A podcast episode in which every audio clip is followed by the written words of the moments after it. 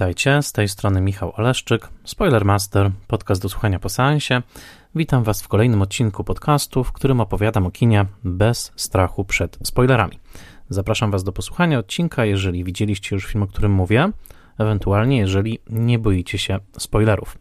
Spoilermaster jest podcastem w całości utrzymywanym przez patronki i patronów w serwisie patronite.pl. Spoilermaster jest podcastem darmowym w szerokim dostępie, a jego misją jest popularyzacja wysokojakościowej wiedzy o kinie.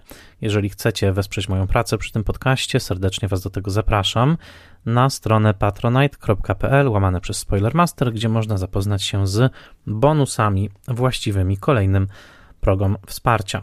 Szczególnie dziękuję moim patronkom i patronom imiennym, czyli Festiwalowi Mediów Człowiek w Zagrożeniu w Łodzi, Michałowi Hudolińskiemu ze strony Gotam w deszczu, Łukaszowi Daleckiemu, Agnieszce Egeman, Sebastianowi Firlikowi, Odjemu Hendersonowi, Beacie Hołowni, Annie Jóźwiak, Bartłomiejowi Kłosiewiczowi, Tomaszowi Kopoczyńskiemu, Władimirowi Panfiłowowi, Mateuszowi Stępniowi, Weronice Więsyk, Jackowi Wiśniewskiemu, blogowi Przygody Scenarzysty prezentującemu analizy scenariuszowe, a także portalowi Outfilm, oferującemu szeroki wybór filmów o tematyce LGBT. Spoilermaster jest oficjalnym partnerem spaceru Oscarowego, będącego częścią szlaku Łodzi Miasta Filmu UNESCO, na który serdecznie zapraszam i na którym jestem przewodnikiem. Witam Was serdecznie w kolejnym odcinku z cyklu Top 100 Spoilermastera, w którym z okazji moich 40 urodzin podsumowuję dotychczasowe swoje filmowe przygody i przedstawiam 100 najlepszych filmów według mnie. Podkreślam subiektywność listy i przechodzę do rzeczy. W dotychczasowych odcinkach co miesiąc odsłaniałem jedną dziesiątkę, idąc od pozycji setnej w górę rankingu. Do tej pory odsłoniłem już 40 pozycji. Ostatnią było drapieżne maleństwo Bringing Up Baby na miejscu 61. Dzisiaj pora na kolejną dziesiątkę, a zatem na pozycję od 60 do 51. Innymi słowy, zbliżamy się do półmetku. Wiem z Waszych wiadomości i z różnych sygnałów, jakie do mnie docierają na Facebooku, że lubicie ten ranking, co bardzo mnie cieszy. Dodam także, że są to jedne z najbardziej słuchanych odcinków w historii Spoilermastera, e, czego się nie spodziewałem przystępując do tego projektu rocznicowo-urodzinowego, takiego podsumowującego. Więc tym bardziej się cieszę i często pytacie o dostępności filmów o których tutaj mówię. No, zawsze w odcinkach oczywiście podaję te dostępności. One są zgodne ze stanem faktycznym w momencie, w którym wypuszczam odcinek.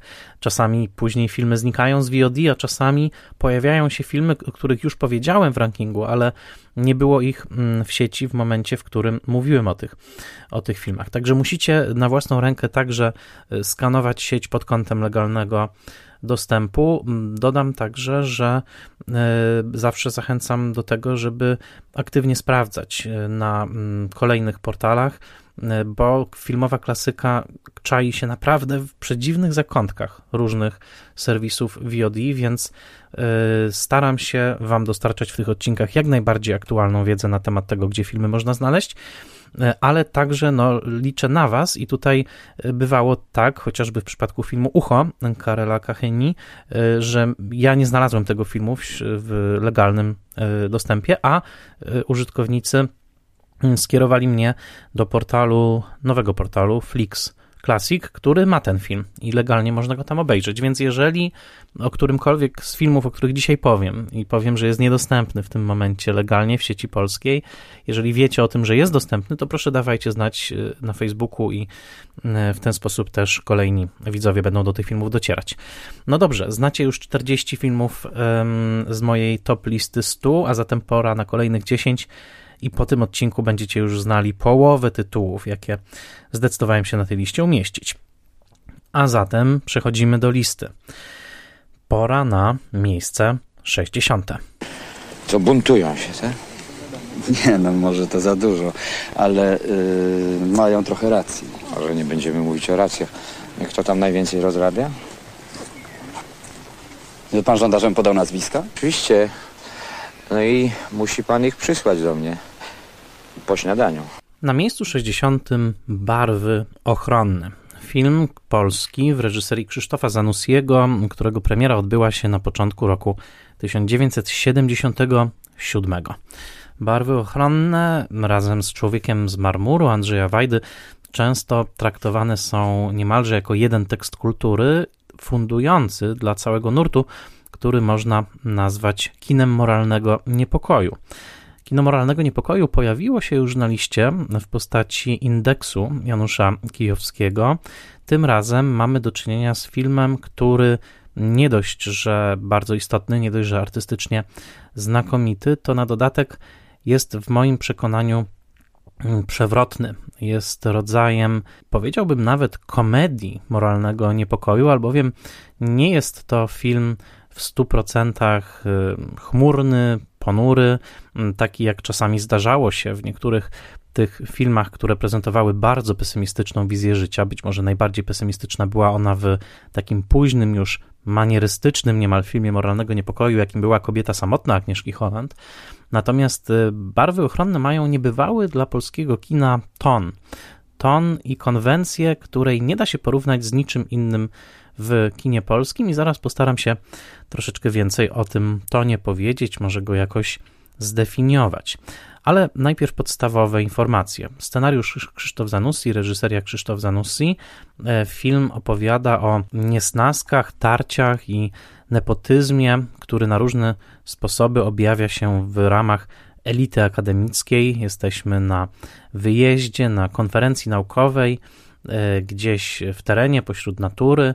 Jesteśmy podzieleni troszkę pomiędzy domki kempingowe a lokalny pałacyk. Film był kręcony pod Warszawą y, i y, mamy studentów i kadrę akademicką. W tej kadrze akademickiej dwie postaci wyróżniają się najbardziej, to znaczy grany przez Piotra Garlickiego magister Jarosław Kruszyński, sekretarz obozu tego językoznawczego i docent Jakub Szelestowski, opiekun obozu i antagonista naszego mm, bohatera. Y, wszystko rozgrywa się wokół tego tak naprawdę, kto zostanie dopuszczony do głosu w trakcie konferencji, mm, szerzej także kto zostanie w ogóle dopuszczony do głosu, uznany za podmiot w ramach tej akademickiej społeczności. I y, rozgrywa się to w konwencji takiego pojedynku tak naprawdę pomiędzy Szelestowskim, którego nazwisko już gdzieś pobrzmiewa szatańsko i Kruszyńskim, który, no właśnie, być może jest kruchy, być może nie jest. W każdym razie starcie z docentem będzie dla niego swoistą próbą sił. Próbą sił na wielu planach. Przede wszystkim na planie pryncypiów, pryncypiów i moralności. Kino moralnego niepokoju i także szerzej kino Krzysztofa Zanussiego jest kinem niebywale filozoficznym, kinem, które zadaje aktywnie pytania o to, co jest dobre, a co złe i przede wszystkim jak jednostka uwikłana w rozmaite sieci zależności, ale także w rozmaite systemy wartości, które nakładają się, przenikają, czasami walczą ze sobą, w jaki sposób ta jednostka ma postępować tak, aby właśnie postępować moralnie. Docent Szelestowski jest w tym filmie figurą troszeczkę diaboliczną. Jest figurą kusiciela, kusiciela moralnego, kusiciela e, nakłaniającego Kruszyńskiego do przyjęcia pewnego rodzaju pragmatyzmu, być może nawet z odcieniem cynicznym, ale także jest kusicielem na pewnym planie, przynajmniej mm, półuświadomionym, e, kusicielem erotycznym. Jest w roli Zbigniewa Zapasiewicza, który większość filmu spędza z mm, aparatem fotograficznym o bardzo długim, falicznym obiektywie, e, podglądając także e, roznegliżowane studentki i studentów kąpiących się w lokalnym jeziorze e, w pewnym momencie, jest w nim pewne, pewien rodzaj takiej tajemniczej męskości, która wydaje się silnie oddziaływać także na głównego bohatera. Wydaje się, że nie jest to temat główny, on tutaj współistnieje z innymi tematami, ale moim, w moim przekonaniu ubogaca ten film, który już w samym punkcie wyjścia jest filmem bardzo zainteresowanym kwestią napięć pomiędzy naturą i kulturą. Film obfituje w ujęcia zwierząt rozmaitych, od ryb, pomrówki w dużych zbliżeniach. I także nawet e, tytuł e, Barwy ochronne odwołuje się po prostu do mimikry. W pewnym momencie jeden z bohaterów, student, buntownik, gryzie rektora uczelni w ucho, co także jest absolutnie atawistycznym takim gestem właśnie bardziej z porządku natury niż kultury, a koniec końców główni bohaterowie lądują dosłownie w błocie, w takiej można powiedzieć chtonicznej rzeczywistości, gdzie e, w takim bagnie, z którego całe życie, można powiedzieć, wyewoluowało i po prostu biorą się za łby, walczą ze sobą. Koniec końców Szelestowski mówi do Kruszewskiego: Wylazła z ciebie bestia. Innymi słowy, jest to, zmierzam do tego, że jest to film o czymś o wiele więcej niż tylko o PRL-u.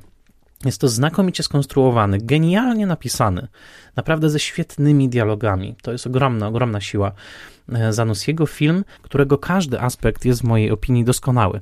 Często krzywdząco mówi się o Zanussim jako o reżyserze, który mm, jest przede wszystkim e, reżyserem słowa, skupionym na kwestiach językowych i nie bardzo wyczulonym na kwestie wizualne. Być może jest w tym kropla prawdy, ale na pewno nie w odniesieniu do jego najlepszych filmów z lat 60. i 70., albowiem e, w barwach ochronnych jest bardzo istotne to właśnie w jaki sposób świat naturalny wokół bohaterów, czy to filmowany w dużych zbliżeniach, czy to e, z oddalenia, w jaki sposób ten świat na nich wpływa i jak ich okala, otacza.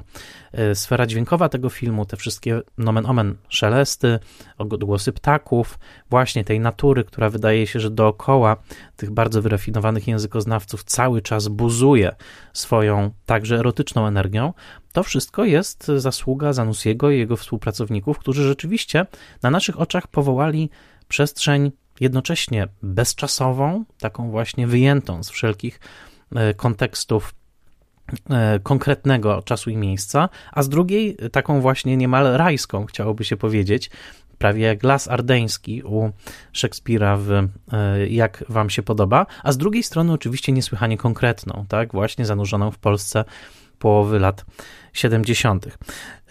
Wydaje mi się, że jest to film, który nie oferuje łatwych odpowiedzi. Jest to film, który rzeczywiście zadaje pytanie, jakie jest miejsce człowieka w porządku natury i jak człowiek ma się ustosunkować do własnych popędów, nie tylko tych seksualnych, ale chyba przede wszystkim do popędu dominacji nad innymi, do tej właśnie wpisanej w naszą zwierzęcą naturę potrzebę tworzenia hierarchii yy, yy, takiego stada, w którym przewodnik i kolejne piętra są bardzo wyraźnie ustosunkowane wokół siebie i wszelka równość, którą tutaj dosyć naiwnie głosi bohaterka grana przez Christian Paul, reprezentująca kontrkulturową młodzież zachodnią lat 60., e, taką wizję wszechrówności, taką wizję po prostu mm, pełnej równości, szczęśliwości, demokracji, e, zakorzenioną być może w jakichś naiwnych rojeniach e, e, naśladowców Jeana Jacques'a Rousseau. Nie, nie bez przyczyny przywołuję te filozoficzne nazwiska klasyków filozofii, dlatego że jest to film bardzo, bardzo głęboko zaangażowany w kwestie filozoficznych roztrząsań, ale to, na co chcę zwrócić uwagę i co chcę podbić jeszcze raz, jest kwestią właśnie tego, że nawet jak głosił tytuł przy amerykańskiej edycji wideo tego filmu, jest to komedia. Jest to komedia satyryczna, w której właśnie te wszystkie roszady, lojalności, pakty i zdrady e, są rozgrywane w sposób niesłychanie wyrafinowany. Uważam, że Szelestowski jest postacią bardzo uwodzicielską, jednocześnie z dużym poczuciem humoru i wyczuciem ironii.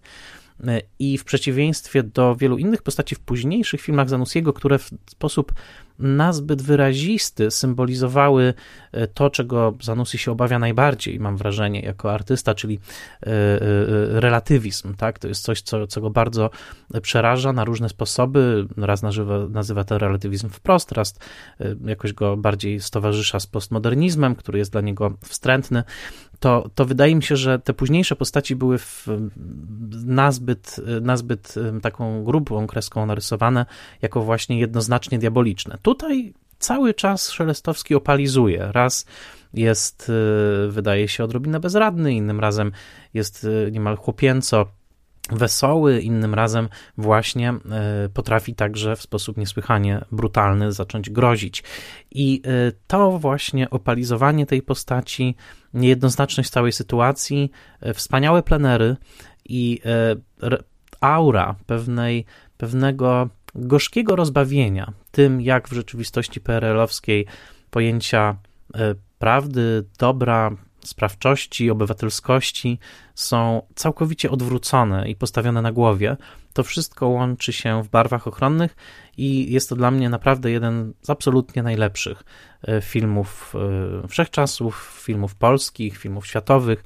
I, jest, i, I wydaje mi się, że jest to najlepszy film Krzysztofa Zanussiego. O, tuż obok postawiłbym jego wczesny film pod tytułem Śmierć, e, śmierć prowincjała.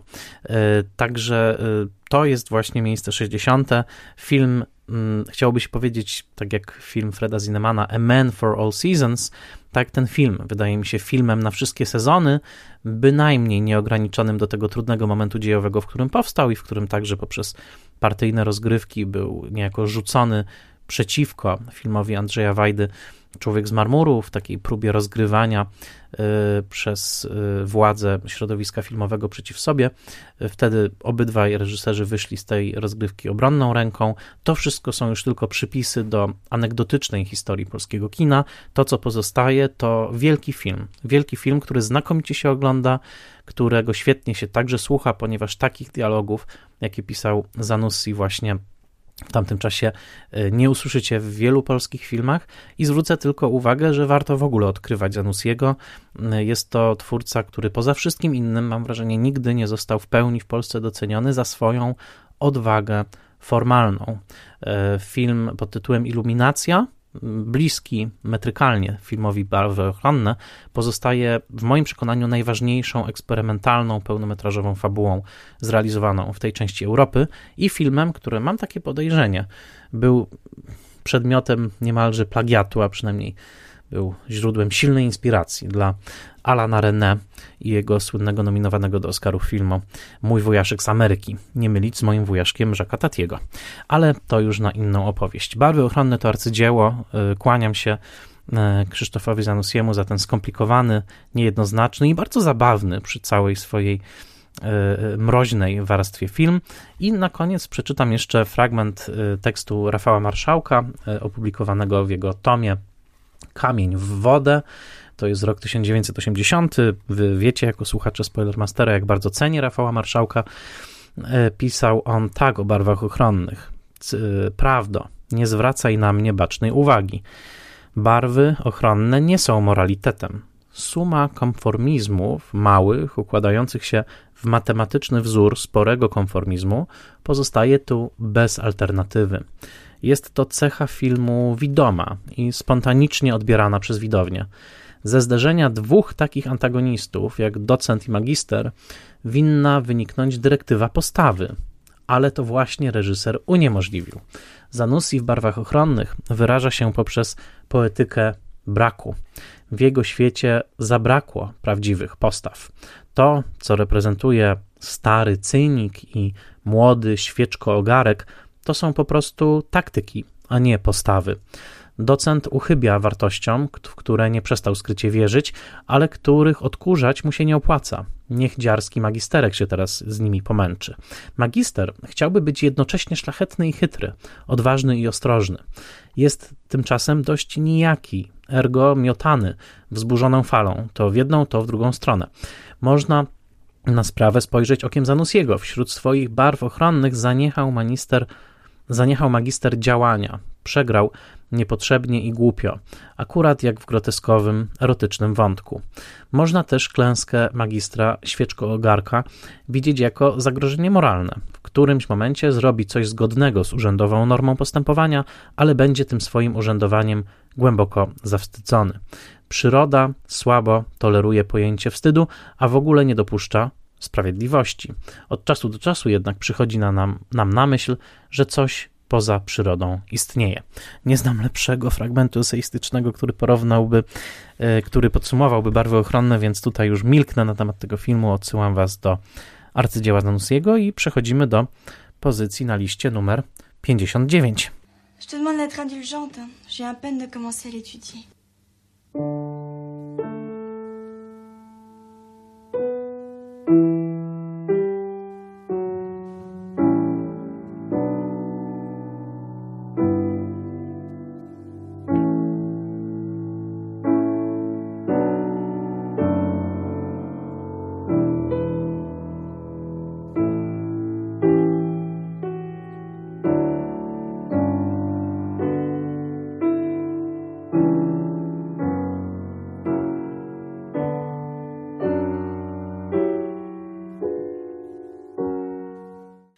Na miejscu 59 Opowieść wiosenna. Film napisany i wyreżyserowany przez Erika Romera. Film z roku 1990, niektóre metryki podają 89, jest najpiękniejszym, najbardziej przejrzystym, klarownym i najzabawniejszym, jednocześnie najgłębszym filmem w dorobku Erika Romera, który jest jednym z moich ukochanych reżyserów. Eric Romer był najstarszym z nowofalowców francuskich. Urodzony w roku 1920, był starszym i bardziej konserwatywnym kolegą takich reżyserów jak Truffaut, Godard czy Chabrol. Y, redaktor naczelny du Cinema przez pewien moment rozstał się z pismem w roku 1963, kiedy to coraz bardziej skręcające na lewo sympatie jego współredaktorów y, po prostu uniemożliwiły mu dalszą pracę, ale zajął się rozwojem swojej bardzo osobistej wizji kina. Dopiero w połowie lat 60., czyli kiedy miał już około 45 lat, o Romerze zaczęło być głośno na świecie. Pierwszym dużym sukcesem po wielu realizacjach krótkometrażowych i telewizyjnych był film Kolekcjonerka, a później nominację Oscarową przyniósł mu film Moja noc u mod. To jest rok 1969. Innymi słowy, Romer po raz pierwszy staje się słynnym reżyserem dopiero kiedy osiąga 50. Przez następne lata, aż do roku 2010, albowiem e, rocznikowo właśnie 90, dożyje Romer, to już kolejne filmy realizowane w sporym tempie i przede wszystkim ujęte w cykle, czy to sześciu opowieści moralnych, czy to czterech pór roku, czy to cyklu komedii i przysłowia, filmy, w których Eric Romer testował możliwości kina pod kątem troszkę jak Zanussi w barwach ochronnych, nieprzypadkowo te filmy ustawiłem obok siebie. Otóż yy, taką formułę kina testował Romer, w, którym, w której słowo grało rolę naczelną, ale bynajmniej nie detronizowało obrazu. Znowu, częsty błąd w podchodzeniu do Romera wynika z tego, że ludzie nazywają jego kino przegadanym. Po pierwsze, nikt w filmach Romera nie gada, ludzie mówią i to mówią z sensem i warto posłuchać. A po drugie, równie ważne jak wypowiadane przez nich, najczęściej bardzo wyrafinowane, przemyślane, głębokie słowa, korespondują z tym, jak wyglądają, jak są ubrani, jakie typy ludzkie reprezentują, jak bardzo świecą im się oczy albo jak bardzo są w danym momencie przygaszone, a także co mają wokół siebie. No właśnie, ubrania, ale także wnętrza, także architektura. Wnętrz i architektura przez duże A, na którą Romer był niebywale silnie wyczulony. W filmie Romera każdy element wokół bohatera ma znaczenie. Orientujemy się, kto jakim jest człowiekiem, po tym, jak kto mieszka. Nie pod kątem klasowym, albowiem pod tym kątem akurat Romer dosyć konsekwentnie pozostawał zainteresowany przede wszystkim francuską klasą mieszczańską, ale bardziej jaka osobowość wyraża się poprzez dane mieszkanie, poprzez daną półkę z książkami, poprzez to, jak kto je śniadanie, czy jest raczej schludny, czy też pozwala sobie na pokruszenie i zostawienie stolika w stanie dosyć dużego chaosu. Takie szczegóły u Romera są zawsze niesłychanie istotne i wydaje mi się, że jest to kino tak naprawdę niesłychanie zmysłowe. Kino, w którym, no właśnie, widok stolika, na którym partner bohaterki skończył parę godzin temu jeść śniadanie, ale nie zaprzątnął sobie głowy, żeby posprzątać bagietkę po zmięte gazety i koszulę, która wciąż wisi na krześle. Otóż taki widok jest w stanie nam powiedzieć wszystko o nim, ale przede wszystkim wszystko o niej, kiedy z dezaprobatą patrzy na ten pozostawiony chaos. Tą bohaterką jest, no właśnie, bohaterka główna filmu, grana przez Anne Teysedre i nosząca w filmie imię Jean. Jean jest nauczycielką filozofii, wokół niej wiosna dopiero co się budzi, a przede wszystkim wiosna budzi się na ubraniach e, kobiet, przede wszystkim e, w tym filmie, gdzie na każdej sukience czy bluzce, a przynajmniej na większości, jesteśmy w stanie dostrzec jakieś motywy roślinne, kiełkujące rośliny czy rozwijające się kwiaty. Jest to film niesłychanie kwietny, ale nie tylko tymi kwiatami, które faktycznie widać na ekranie, począwszy od żółtych tulipanów stojących na rzeczonym stole śniadaniowym, ale także tymi kwiatami, które wspaniale rozkwitają w rozmaitych E, na drukach, na odzieży, e, haftach i y, obrazach, które wiszą za bohaterami. Film buzuje od życia, tak jak od życia buzuje wiosna. Był to pierwszy z czterech filmów w cyklu opowieści czterech pór roku. Później przyjdzie jeszcze opowieść y, zimowa, letnia i jesienna w tej kolejności, ale to właśnie w tym filmie mam wrażenie wszystkie elementy kina Romera wspaniale się zrosły. Albowiem mamy tutaj bohaterów, którzy po pierwsze są bardzo świadomi tego, co robią, są świadomi tego, czego chcą, są także świadomi swoich ograniczeń i swoich zasad moralnych, bo to był naczelny temat Romera, e, jego główne zainteresowanie, i jednocześnie wszystko to podszyte jest humorem. Humorem wynikającym z tego, że wszystkie nasze zasady i cele i pryncypia ciągle, nieustannie zderzają się z oczywiście światem naszych namiętności, a z drugiej strony ze światem społecznych interakcji, który jest na tyle nieprzewidywalny, że Jean, idąc na imprezę dosyć nudnawą u swojej znajomej, zupełnie się nie spodziewa, że poznana tego wieczoru Natasza, młoda, ruda, z burzą rudych loków, młoda kobieta, odmieni jej życie, przynajmniej na pewien moment, a na pewno pomoże jej sformułować pytanie o to, czy wciąż chce być ze swoim partnerem, czy nie. Natasza grana jest przez Florence Darel. Jest to jedna ze wspaniałych ról romerowskich. Młodej kobiety, której e, uśmiech i ogniste spojrzenie i oczywiście ta burza loków e, rudych e, objawia bardzo, bardzo burzliwe życie wewnętrzne.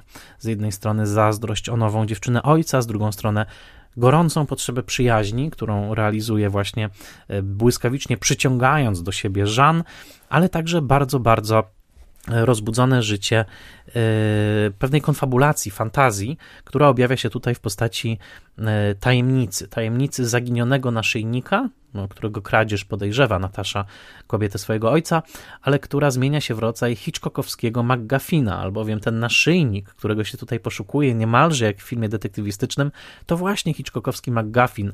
I nie dziwi fakt, że Romer w roku 57 razem z Claude'em Chabrolem napisali pierwszą światową książkę właśnie o Hitchcocku. Natasza chce uwieść Jean, ale chce uwieść ją w szczególny sposób. To znaczy, chce uwieść ją, aby ta została substytutem jej matki. Matki, której już nie ma, ale która jest zagrożona przez nową dziewczynę ojca, której Natasza nie znosi. Natasza zaczyna manipulować Jean, próbując manipulować, ale Jean, jako wierna uczennica Kanta y, bardzo ostrożnie podchodzi do wszelkich prób wpisania ją w uprzednią narrację i zachowuje niebywałą niezależność. Jean z filmu Opowieść Wiosenna to jedna z moich ulubionych filmowych postaci. Mówi w pewnym momencie zdanie, które także mnie jest bardzo bliskie, mianowicie rozmawiając z Igorem, czyli właśnie z ojcem Nataszy, w trakcie takiej długiej, wspaniałej rozmowy, która być może, a być może nie, może skończyć się uwiedzeniem obydwu stron przez siebie, mówi zdanie, które uwielbiam i które mam nawet wypisane nad biurkiem. Niestety nie mówię po francusku, brzmi ono: Jestem fanatyczką odnośnie cudzej wolności. I'm fanatical about other people's freedom. I to jest no, co, coś, co absolutnie wydaje mi się jest jakąś naczelną zasadą filozofią, filozoficzną, mm, podstawą też liberalizmu, to znaczy jestem fanaty, fanatyczna, jeśli chodzi właśnie o wolność innych ludzi y, i y, ona to też od razu przekłada na to, że przez to bardzo, bardzo chroni tą przestrzeń swojej wolności. I trochę o tym, o wolności, o przypadku, o tym, jak przypadkowo czasami się potrafią układać nasze relacje miłosne i przyjacielskie jest ten zwiewny film, który, i tutaj pozwolę sobie na pewną kliszę, którą mam nadzieję mi wybaczycie, pachnie wiosną, bo ten film rzeczywiście pachnie wiosną. Każde ujęcie, w to sposób, jak on jest oświetlony, jak wnętrza są oświetlone, jak jest oświetlony sad, który właśnie zaczyna kwitnąć, e, ubrania, które dzisiaj z perspektywy lat oczywiście wydają się trochę demode, e, to wszystko jest utrzymane właśnie w takiej e, wiosenno-rześkiej atmosferze, i uwielbiam ostatnie ujęcie tego filmu, kiedy no, zdradzę, ale nie powiem dokładnie, co się wydarzyło. W każdym razie naszyjnik zostaje odnaleziony y, i, i dowiadujemy się, co tam się z nim w międzyczasie działo i wtedy orientujemy się, że ten film, tak jak zresztą tytuł podpowiada nam to oryginalny od początku, jest bajką. Tak? To jest bajka wiosenna, w której jedna dziewczyna spotyka drugą, wchodzą do dziwnego, kwietnego lasu, pewnego romansu rodzinnego, jak powiedziałby Freud, i wychodzą po drugiej stronie bogatsze o pewną samowiedzę, ale przede wszystkim już z scementowaną przyjaźnią. Uśmiecham się mówiąc o tym filmie. Dlaczego? Ponieważ uważam, że Romer jest mistrzem komedii. Komedii bardzo wyrafinowanej, ale takiej, która, jeżeli dobrze się zestroimy z jego ironią, z jego świadomością tego, jak ludzie często przed sobą grają, jak bardzo pięknie angażują całą swoją inteligencję w budowanie pewnych fasad, przez które oczywiście Romer jest w stanie się przedrzeć i to w sposób bardzo łagodny, a jednocześnie e, radykalny.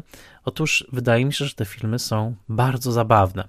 I troszkę nawet mam chyba taki test, to znaczy, że łatwo mi się dogadać z kimś, kto jest w stanie i kto spontanicznie śmieje się na głos w trakcie filmów Romera, bo jeżeli ktoś mówi, że Romer to zupełnie coś nieciekawego i ten, no to nie spotkamy się aż tak bardzo, mam wrażenie. Natomiast jeżeli ktoś jest wyczulony na ten właśnie, na tą cieniutką kreskę tego humoru, który chwilami naprawdę sprawia, że ja przynajmniej się śmieję na głos i znam ludzi, którzy się śmieją na głos oglądając filmy Romera, to jest taki znak, że tak, dogadamy się. To znaczy, że podobnie patrzymy na ludzi, podobnie patrzymy na E, na, na życie. Podobnym testem jest dla mnie czytanie Henry'ego Jamesa. To znaczy, jeżeli ktoś śmieje się w trakcie czytania Jamesa, to znaczy, że na pewno się dogadamy, bo James, który zresztą był źródłem inspiracji często dla Romera, też był mistrzem dokładnie tego samego rodzaju humoru. A Romer sam był postacią dosyć tajemniczą, unikał wystąpień publicznych, czasami przychodził na pokazy filmowe w przebraniu. No, tak dobrze skrywał swoją tożsamość, bo Eric Romer to pseudonim, że, uwaga, jego matka zmarła w dostojnym wieku, bez żadnej świadomości, że jej syn był reżyserem filmowym, który otrzymywał nagrody na całym świecie. On tak dobrze ukrywał przed nią ten fakt. Więc no jest to dosyć szokujące, ale coś mówi o tym człowieku, którego życie było niemal całkowicie wewnętrzne yy, i który zaoferował nam właśnie takie bardzo Jamesowskie, bardzo wyrafinowane, zabawne, ironiczne e, kino, które no, tak naprawdę stawia pytanie o to, e, czym jest nasza wolność i co robimy z naszym życiem i co na ten temat, co na ten temat myślimy, bowiem dla niego myśl jest bardzo bardzo ważna. Przeczytam Wam dwa króciutkie fragmenty nekrologu, który opublikowałem na łamach dwutygodnika tuż po śmierci Erika Romera w roku 2010 w styczniu. Otóż y, pisałem wtedy tak, to tylko fragmenty y, pisz, y, o, o stylu Romera. Styl od linijki. Większość filmów ujęta w cykle, opowieści moralne, komedie i przysłowia, opowieści czterech pór roku, dobrze oświetlone portrety rozmawiających ze sobą bohaterów, wypunktowywanie otaczających ich miejsc osobnymi ujęciami wstawionymi nagle na kształt domowych slajdów, duży nacisk na szczegóły stroju, uczesania, umeblowania wnętrza, intryga rozwijająca się niepozornie, a jednak często osiągająca misterność farsy scenicznej i rozmowy, długie, inteligentne, pełnej cieniutkiej ironii. E, piszę, pisałem później tak. Bohaterowie Romera rozmawiają ze sobą nie z nawyku, ale by odkrywać siebie samych i swych interlokutorów na nowo. W tym sensie rozmowa u Romera jest przygodą, a jego kino staje się dla odpowiednio nastawionego widza pasjonującym kinem akcji. Bohater Romera w scenie ostatniej to zawsze bohater lekko oszołomiony, często uwznioślony. Odkrył coś nowego o samym sobie, chce dowiedzieć się jeszcze więcej. Jego, częściej jej, życie ma wektor zwrócony na tak, ewentualnie na następnym razem. Nie jest Romer ani reżyserem rozpaczy, ani pocieszenia. Jest natomiast reżyserem otwarcia. Uważne obcowanie z jego filmami pozwala doświadczyć możliwości zmiany, jaka rozbłyskuje w życiu każdego z nas od czasu do czasu. Prawdziwym tematem Romera były niespodzianki, jakie wszystkie gotujemy sobie samym. Jego bohaterowie są ludźmi wykształconymi, celebrującymi życie, wina, stroje, przedmioty i dążącymi do samoświadomości, bez żadnego naddatku. Nie są hedonistami, niczego nie lekceważą i pilnują, by ich życie zasłużyło na miano dobrego. W tym sensie był Romer po prostu jednym z nich, tyle że stał po drugiej stronie kamery. Odszedł głęboko moralny twórca ze wstrętem do moralizatorstwa – aktywny obserwator i kronikarz sposobów, jakie ludzie wybierają, by nadać swemu życiu sens. To moje słowa napisane już ponad dekadę temu. Zapraszam Was na łamy dwutygodnika, tam jest wciąż cały ten tekst. I to właśnie jest opowieść wiosenna, w której dodam ważną rolę też pełni muzyka fortepianowa i zwłaszcza pieśni e, Schumana. To jest po prostu piękny film. Piękny film, który zawsze oglądam z przyjemnością i e, po seansie którego jestem po prostu szczęśliwszy. To było miejsce 59. A zatem pora na miejsce 58. I read somewhere that everybody on this planet is separated by only six other people. How everyone is a new door, opening into other worlds. I, I'm so sorry to bother you, but I've been hurt and I've lost everything. Hello. Oh, this is a Kandinsky. A double, one painted on either side. One wild and vivid, the other somber and geometric. Chaos, control, chaos, control. Hello. Na miejscu 58 film, który kocham. 6 stopni oddalenia. Film w reżyserii Freda Skepsiego. No właśnie, od tego zacznijmy. Fred Skepsi. Nie Szepisi, albo Skepisi, albo jakkolwiek jeszcze ten, to nazwisko się wypowiada.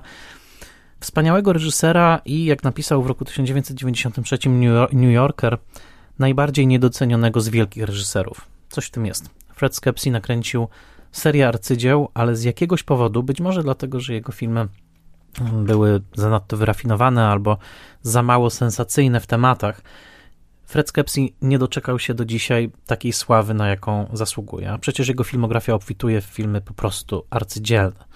Pieśń Jimmy'ego Blacksmitha, jeszcze z jego okresu australijskiego, bo to twórca właśnie australijski, czy cudowna Roxanne, nominowana do Oscara za świetny scenariusz Steve'a Martina, uaktualniający Cyrano de Bergeraca, czy filmy takie jak chociażby e, Barbarossa, jeden z najlepszych nowoczesnych westernów roku, nakręcony w roku 1982, a także Iceman, jedna z najgłębszych medytacji na temat relacji nauki człowieka i natury, jaką nakręcono, ze świetną rolą Johna Lona.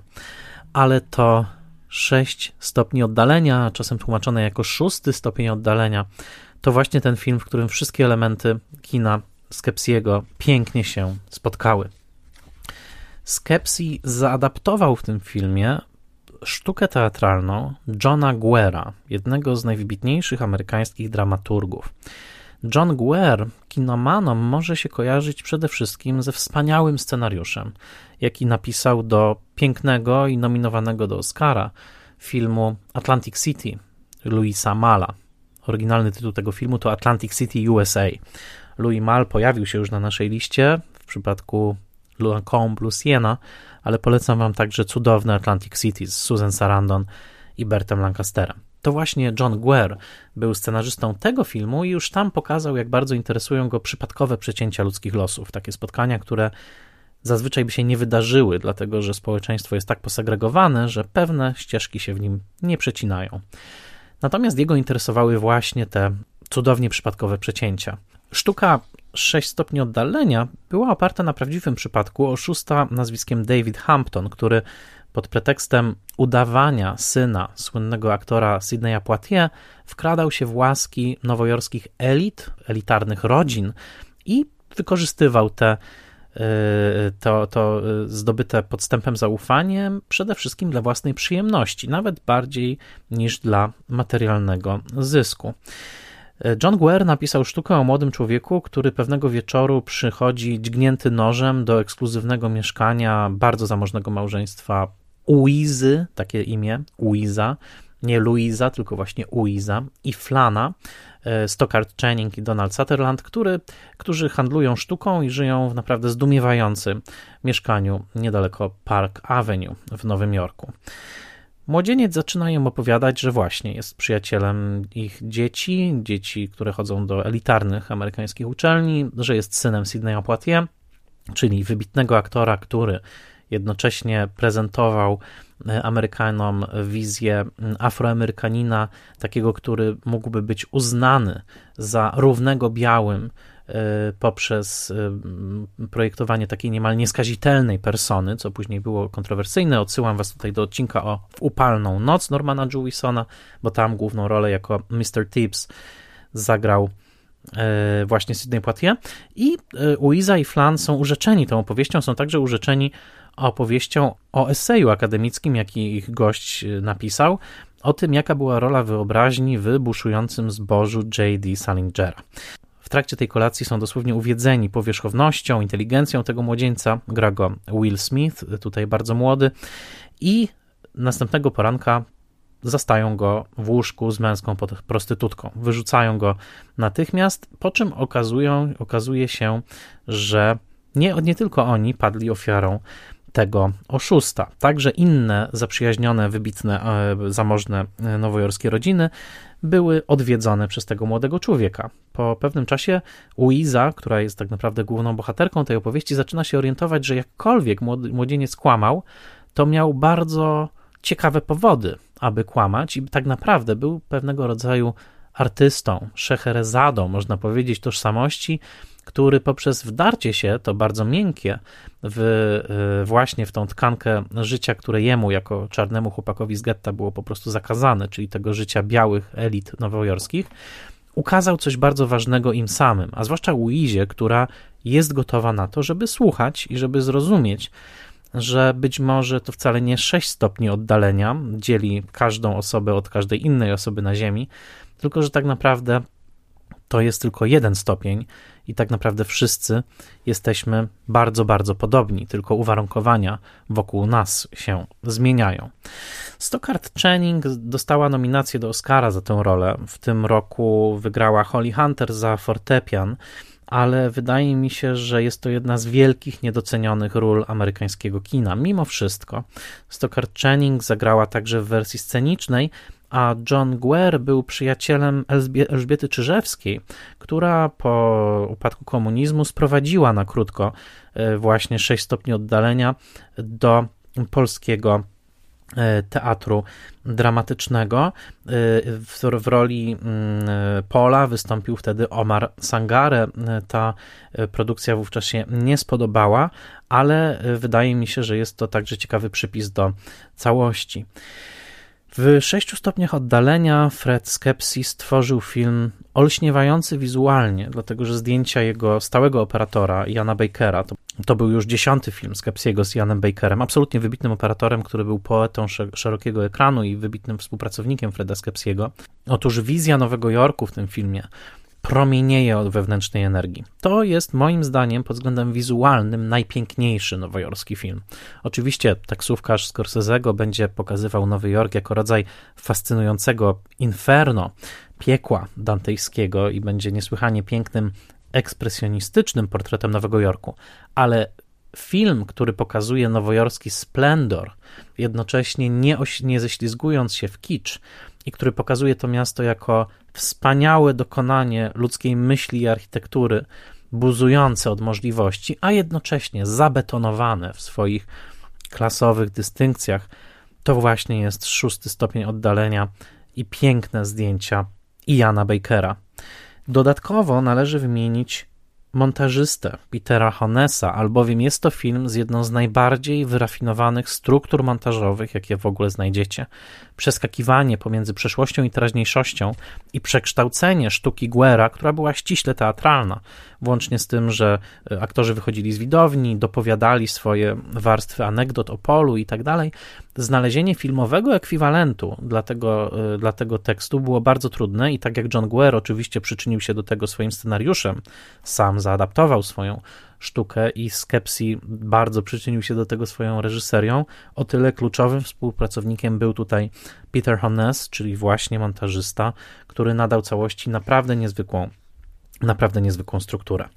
To jest film, który. Kolejny film w tej dziesiątce, w którym dialog jest siłą bardzo mocną, nie chcę powiedzieć dominującą, ponieważ obraz e, w, w obiektywie Iana Bakera jest równie silny, ale jednak, aby cieszyć się tym filmem, trzeba umieć słuchać. Trzeba umieć się wsłuchać w dialog i zrozumieć, jak ważne są słowa wypowiadane przez tych bohaterów, którzy troszkę jak bohaterowie romerowscy są bardzo mocno wyczuleni na to, co i jak mówią i po co, ale w przeciwieństwie do romerowskich bohaterów są, żyją w stanie pewnego ciągłego oszołomienia tym bogactwem, które jest charakterystyczne dla amerykańskiego marzenia. Uiza i Flan operują milionami dolarów i jak sami mówią w pewnym momencie, E, wszystkie kryzysy tego świata, takie jak apartheid, czy nawet e, kryzys e, stanu wojennego, o którym też tutaj się mówi, i Solidarności, są dla nich tylko jakimś odległym echem, które na Manhattan dociera tylko przypadkowo i bardziej jako anegdota niż jako faktyczne doświadczenie. To rozróżnienie między anegdotą i doświadczeniem jest zresztą przedmiotem najważniejszego dialogu, jaki pada w tym filmie.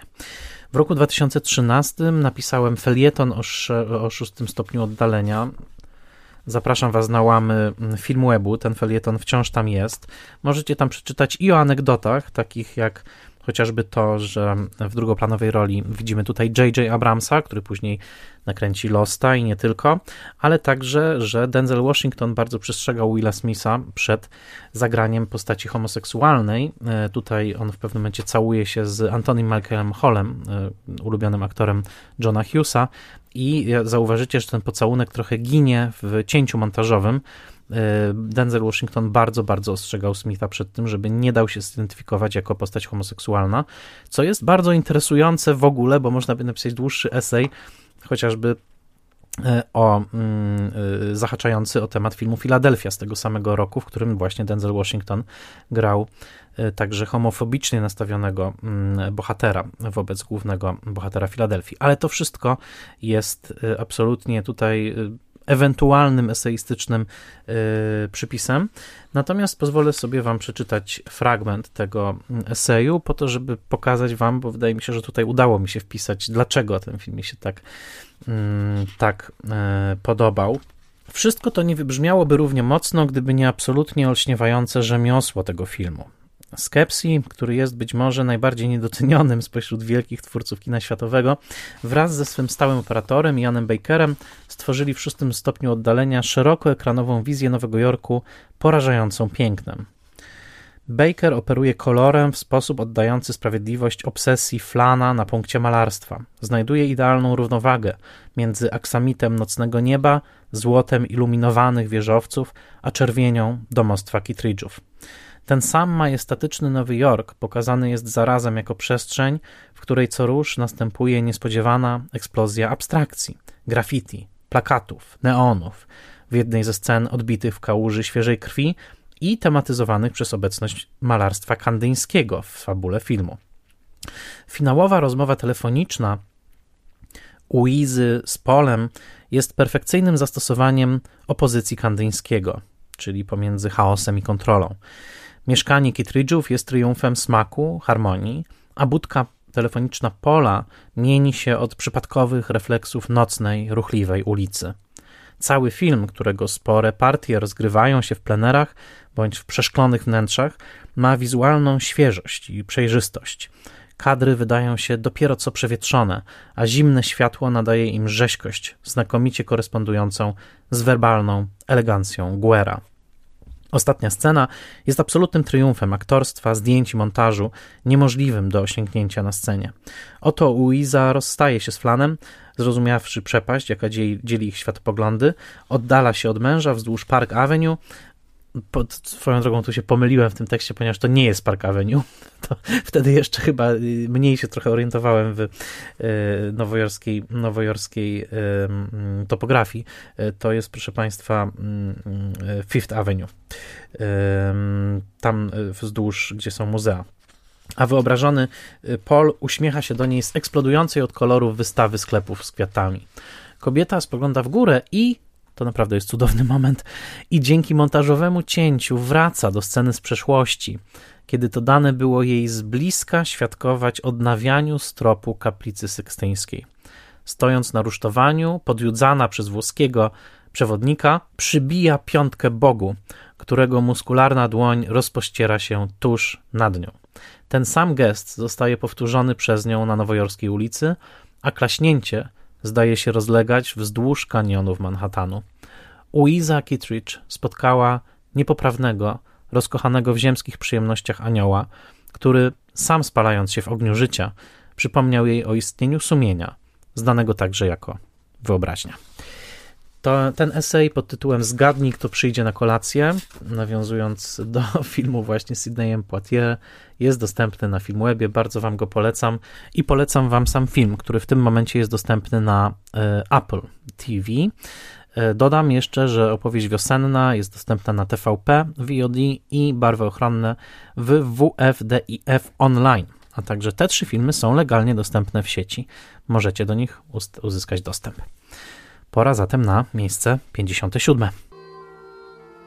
Yes, the newspapers are right. Snow is general all over Ireland, falling on every part of the dark central plain, on the treeless hills, softly upon the bog of Allen, and farther westward, softly falling into the dark, mutinous Shannon waves. One by one, we're all becoming shades. Better to pass boldly into that other world in the full glory of some passion than fade and wither dismally with age. Na miejscu 57 film Johna Hustona pod tytułem Zmarli. Film z roku 1987, w tym momencie niedostępny na żadnym polskim e, VOD. Ostatni film w karierze Johna Hustona, wybitnego reżysera z bardzo eklektyczną filmografią. Film, który Houston nakręcił, kiedy był już niesłychanie schorowany, kiedy nie poruszał się właściwie w ogóle. Mógł się poruszać tylko na wózku i towarzyszyła mu cały czas butla tlenowa. Film wyreżyserowany w stanie niemalże przetagonalnym. Film, którego premiery sam John Huston już nie dożył, ale który jest chyba jedną z najlepszych w ogóle adaptacji literackich, kiedykolwiek powstały. Scenariusz filmu wedle opowiadania Jamesa Joyce'a pod tym samym tytułem, właśnie Zmarli, z tomu Dublińczycy. E, scenariusz napisał Tony Houston przy wydatnej pomocy także swojego ojca. E, Angelika Houston, córka e, Johna, gra tutaj jedną z głównych ról, Grety, a cały film jest 78-minutową perłą, w którym kilkanaście genialnych ról tworzą wybitni aktorzy irlandzcy. Całość dzieje się konkretnie 6 stycznia roku 1904 i opowiada o przyjęciu, które rozgrywa się w domu dwóch dublińskich starych panien, sióstr, które są nauczycielkami muzyki i zapraszają lokalną socjetę. Niektórzy są zapijaczeni, niektórzy bardziej, mniej szczęśliwi. Wszyscy dużo myślą o kwestii irlandzkiej niepodległości. Każdy ma jakieś wewnętrzne zgryzoty, ale wspólnie celebrują święto Trzech Króli, e, święto, w którym no, każdy z nich doświadcza jakiegoś objawienia. Największego objawienia doświadcza postać główna, czyli grany e, przez Donala McCanna Gabriel, Gabriel Conroy, którego żona Greta, właśnie Angelika Houston, pod koniec wieczoru, już po, po, po powrocie do domu, opowiada mu pewną anegdotę z przeszłości. I po opowiedzeniu tej anegdoty sama pada we łzach na łóżko, a jego życie nie będzie już nigdy takie samo. Dowiedział się o swojej żonie czegoś, co rzutuje na także jego wizję tego małżeństwa. Film Zmarli jest, jak już wspomniałem, perłą. Można by wymienić przede wszystkim aktorów, to znaczy nie, niesłychaną w ogóle tutaj kolekcję nazwisk, mniej lub bardziej znanych. To są często też irlandzcy aktorzy teatralni: Donald McCann, Helena Carroll, Kathleen Delaney, Dan O'Earley, Mary Keane, Donald Donnelly, Sean McCroy, Frank Patterson. To są którzy tworzą tutaj często role, które trwają minutę, dwie, a niektórzy dłużej ale wszyscy są wyreżyserowani przez Houstona ręką absolutnie pewną, mimo że już wówczas znajdującą się nad grobem. Pamiętajmy, że John Huston, który oczywiście autor m.in. Sokoła Maltańskiego czy mm, Skarbu Sierra Madre i słynny Noah Cross z Chinatown Romana Polańskiego, był rozkochany w Irlandii, do której w zasadzie wyjechał na początku lat 50., kiedy był zniesmaczony polowaniem na czarownicę senatora McCarthy'ego w Stanach Zjednoczonych i spędził tam następne ponad 20 lat. Tam się zresztą wychowały jego dzieci, między innymi Angelika przede wszystkim tam wzrastała.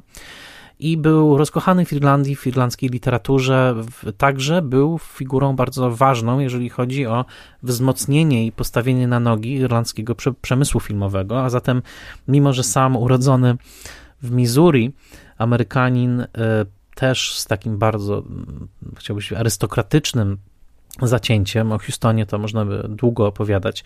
E, jego, no stworzył w zasadzie taki rodzaj dynastii, tak? No, wszyscy znamy chociażby Angelikę. E, pod koniec życia właśnie Houston zaliczył taki ostatni rozbłysk energii reżyserskiej. To jest bardzo młodzieńczy w tonie Honor Plitzich, to jest e, adaptacja pod wulkanem Malcolma Lowry'ego i ci sami producenci, którzy wyprodukowali pod wulkanem, także umożliwili mu produkcję Zmarłych.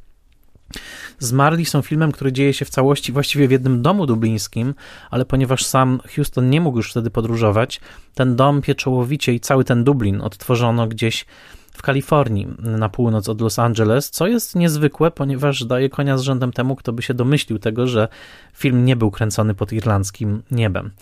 E, dopiero finalne sceny, w których widać padający śnieg, były, to są sceny nakręcone w Irlandii, no ale przy tym Houston nie był.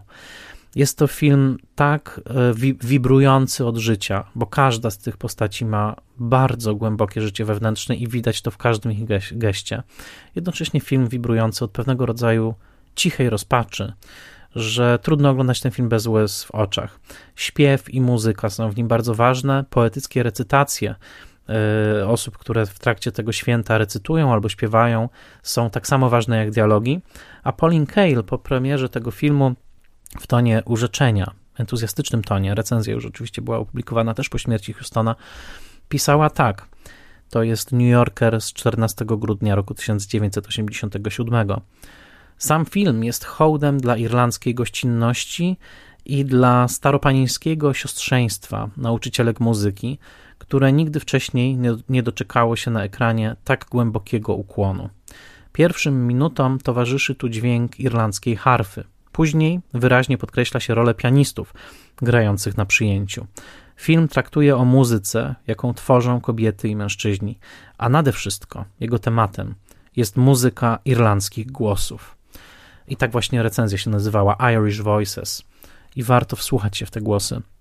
To są wybitni aktorzy prowadzeni przez genialnego reżysera, i każdy z tych aktorów tworzy małą aktorską perłę, a nad tym wszystkim unosi się niebywale głębokie opowiadanie Jamesa Joyce'a z dużym podtekstem religijnym. To nie jest przypadek, że to wszystko się dzieje w Wieczór Trzech Króli. Yy, I takie pytanie, co zrobić w momencie, w którym yy, patrzymy na swoje życie, ono jest nie tym, co myśleliśmy, my nie jesteśmy tymi ludźmi, za których się braliśmy. I pytanie o to, jak patrzeć dalej w przyszłość. Ostatnie zdania tego opowiadania brzmią tak. Gazety miały rację. Śnieg padał w całej Irlandii. Zasypał całą pogrążoną w mroku równinę, nagie, niezalesione wzgórza, kładł się miękko na torfowiskach. Allen, a dalej na zachodzie niknął w ciemnych, wzburzonych falach rzeki Shannon. Zasypał także samotny cmentarz na wzgórzu, na którym pochowano Michaela Fureya, to ważna postać, osiadał grubą warstwą na pochylonych krzyżach i nagrobkach, na podobnych do włóczni prętach cmentarnej, cmentarnej furtki, na ciernistych krzewach. Dusza Gabriela zamierała zwolna. Słyszał, jak śnieg spływa miękko z jakiejś kosmicznej przestrzeni, jakby nadciągał stamtąd na świat kres dla wszystkich, żyjących i zmarłych. Living and the Dead. To ostatnie opowiadanie w tomie Dublińczycy, przekład Zbigniewa Batki. Wybitne opowiadanie, genialny film, wspaniali aktorzy, powiem, że film jest dostępny w całości na YouTubie, więc y, jeżeli, nawet są tam angielskie napisy, więc jeśli chcecie się spotkać z wybitną sztuką filmową i zadumać, bo jest to film zrodzony z zadumy i miłości, to Zmarli, rok 1987, to jest film z pozycji 57. Pora zatem na miejsce 56.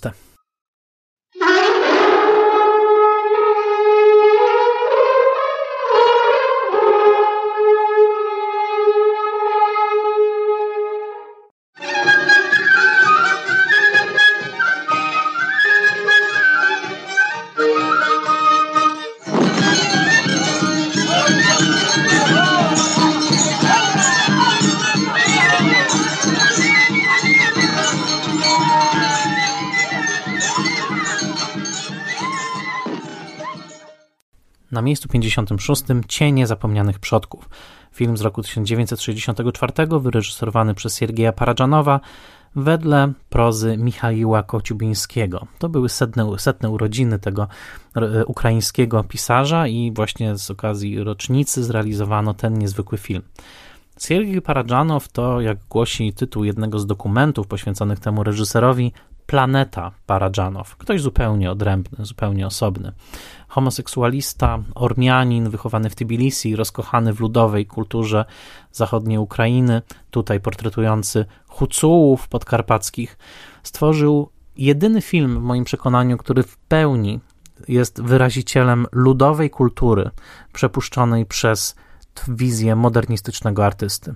Możemy się dzisiaj zachwycać tym, jak Robert Eggers sięga, sięga do kultury ludowej, chociażby Nowej Anglii w postaci filmu Wiedźma, ale prawda jest taka, że nikt poza Paradżanowem nie wcielił kultury ludowej tak mocno w siebie, po to, żeby wydać na świat filmy, które są głęboko nowofalowe, głęboko modernistyczne, które zachwycają stroną wizualną, rozhuśtaną, roztańczoną kamerą i ferią barw, które oddają całą e, naturalność świata, jednocześnie taką gorączkową energię ludzkiej kultury, właśnie w tym przypadku huculskiej, to właśnie jest kino Sergieja Paradżanowa. Szalone, pijane, kolorowe, zmysłowe. Jego zmysłowość wydaje się ogarniać wszystkie możliwe aspekty tego świata od lasu, poprzez wodę pluskającą, poprzez młodych i starszych ludzi. To jest kino reżysera, który był samą zmysłowością, tak się wydaje. Paradżanow oczywiście miał bardzo trudne życie, był także wsadzany do więzienia, był prześladowany za swój homoseksualizm, był sybarytą e, i, i człowiekiem, który pożerał to życie, tak jak pożerają owoce granatu mnisi, którzy są pokazani w filmie Barwy granatu w pewnym momencie. I mimo, że główny bohater Sayad Nowa próbuje się odwrócić od tej grupy mężczyzn, którym po brodach ścieka czerwony sok z granatu płynący, to jednak mimo że poeta Sajadnowa próbuje żyć estetycznie, to zdecydowanie te przyjemności tego ściekającego soku, tych granatów, tych ryb, które widzimy na początku, tego życia zmysłowego jako takiego, są czymś, co Sergieja Paradżanowa także niesłychanie fascynowało i czemu dał wyraz w swoich filmach. Barwy granatu, Ashik Kerib, Cienie zapomnianych przodków, moim zdaniem najwybitniejszy jego film, to są filmy, w których kultura ludowa tej właśnie wschodniej e, części świata, w tym przypadku e, ukraińskiej, e, huculskiej, ożyło, ożyło na nowy sposób. I oczywiście nie jest to film etnograficzny, ponieważ zarzucano tutaj wielokrotnie Paradżanowi, że nie tylko wymyślił wiele z tych zwyczajów, które pokazuje na ekranie, ale także, co bardzo niechlubne, w procesie przygotowywania się do tego filmu podobno przywłaszczył sobie wiele artefaktów wziętych z różnych miejsc, e, to już tutaj odsyłam Was do, e, do opracowań, zwłaszcza James Stephen w swojej książce The Cinema of Sergei Paradżanow pisze o tym, że najprawdopodobniej tak, że Paradżanow chyba przywłaszczył sobie troszkę z tych artefaktów, a potem rozdawał je ludziom na przyjęciach, no w ten sposób też grabiąc dobra narodowe ukraińskiej kultury. E, to jest temat na na odrębną książkę. W każdym razie, no, Stephens ją napisał, więc serdecznie polecam. On prowadzi też bloga poświęconego twórczości Paradżanowa. Natomiast w momencie powstania film był jednym z takich dumniejszych przykładów właśnie ukraińskiej tożsamości w ramach e, Związku Radzieckiego. Był zresztą krytykowany przez niektórych rosyjskich e, właśnie krytyków za to, że za, za bardzo tutaj oddano e, podium kulturze lokalnej E, i że zwłaszcza decyzja o tym, żeby filmu nie dubbingować po rosyjsku, tylko żeby ten język ukraiński tam jednak lśnił, to była decyzja wtedy kontrowersyjna. Paradżanow stanął za nią i bardzo był też e, z jednej strony ceniony przez ukraińskich e, intelektualistów, później był także krytykowany jako ktoś, kto przychodząc z zewnątrz, czyli właśnie jako Ormianin de facto, nie do końca tą kulturę rozumiał i, i, i w pewnym sensie ją sobie jakoś tam przywłaszczał. Nie pretenduję tutaj do kogoś, kto by rozstrzygnął tak skomplikowane spory i to na dodatek na polu, które nie jest mi tak dobrze znane, ale fakt faktem, że jako twórca, który przygląda się tej ludowej kulturze i oddaje jej sprawiedliwość na ekranie, oczywiście zamieniając ją także w swoją własną, osobistą, prywatną wizję, to Siergiej Paradżanow w Cieniach Zapomnianych Przodków stworzył jeden z najbardziej onirycznych, zmysłowych, szalonych i wirujących, pod koniec nawet dosłownie, filmów, które wprost eksplodują od koloru, życia i zmysłowości. Bardzo serdecznie Wam polecam seans tego filmu. Bardzo dobra kopia jest zresztą na YouTubie, więc są angielskie napisy. E, można się wciąż zachwycić poezją e, koloru, ruchu kamery i po prostu odwagi Paradżanowa, który stworzył kino, jakiego nikt inny nie stworzył. Cienie zapomnianych przodków to miejsce 56, a zatem pora na miejsce 55. You think it's simple, huh? No, no. Well, it is simple. It's all that old thumb, see? Yeah. Now, some people do it like this. Or like this. All wrong. Never get anywhere. Oh, the poor thing. Yeah, boy, but that old thumb never failed. You know, it's all a matter of how you do it, though. You know, now, you take number one, for instance. That's a short, jerky movement like this. That shows independence. You don't care whether it's top or not. You got money in your pocket, see?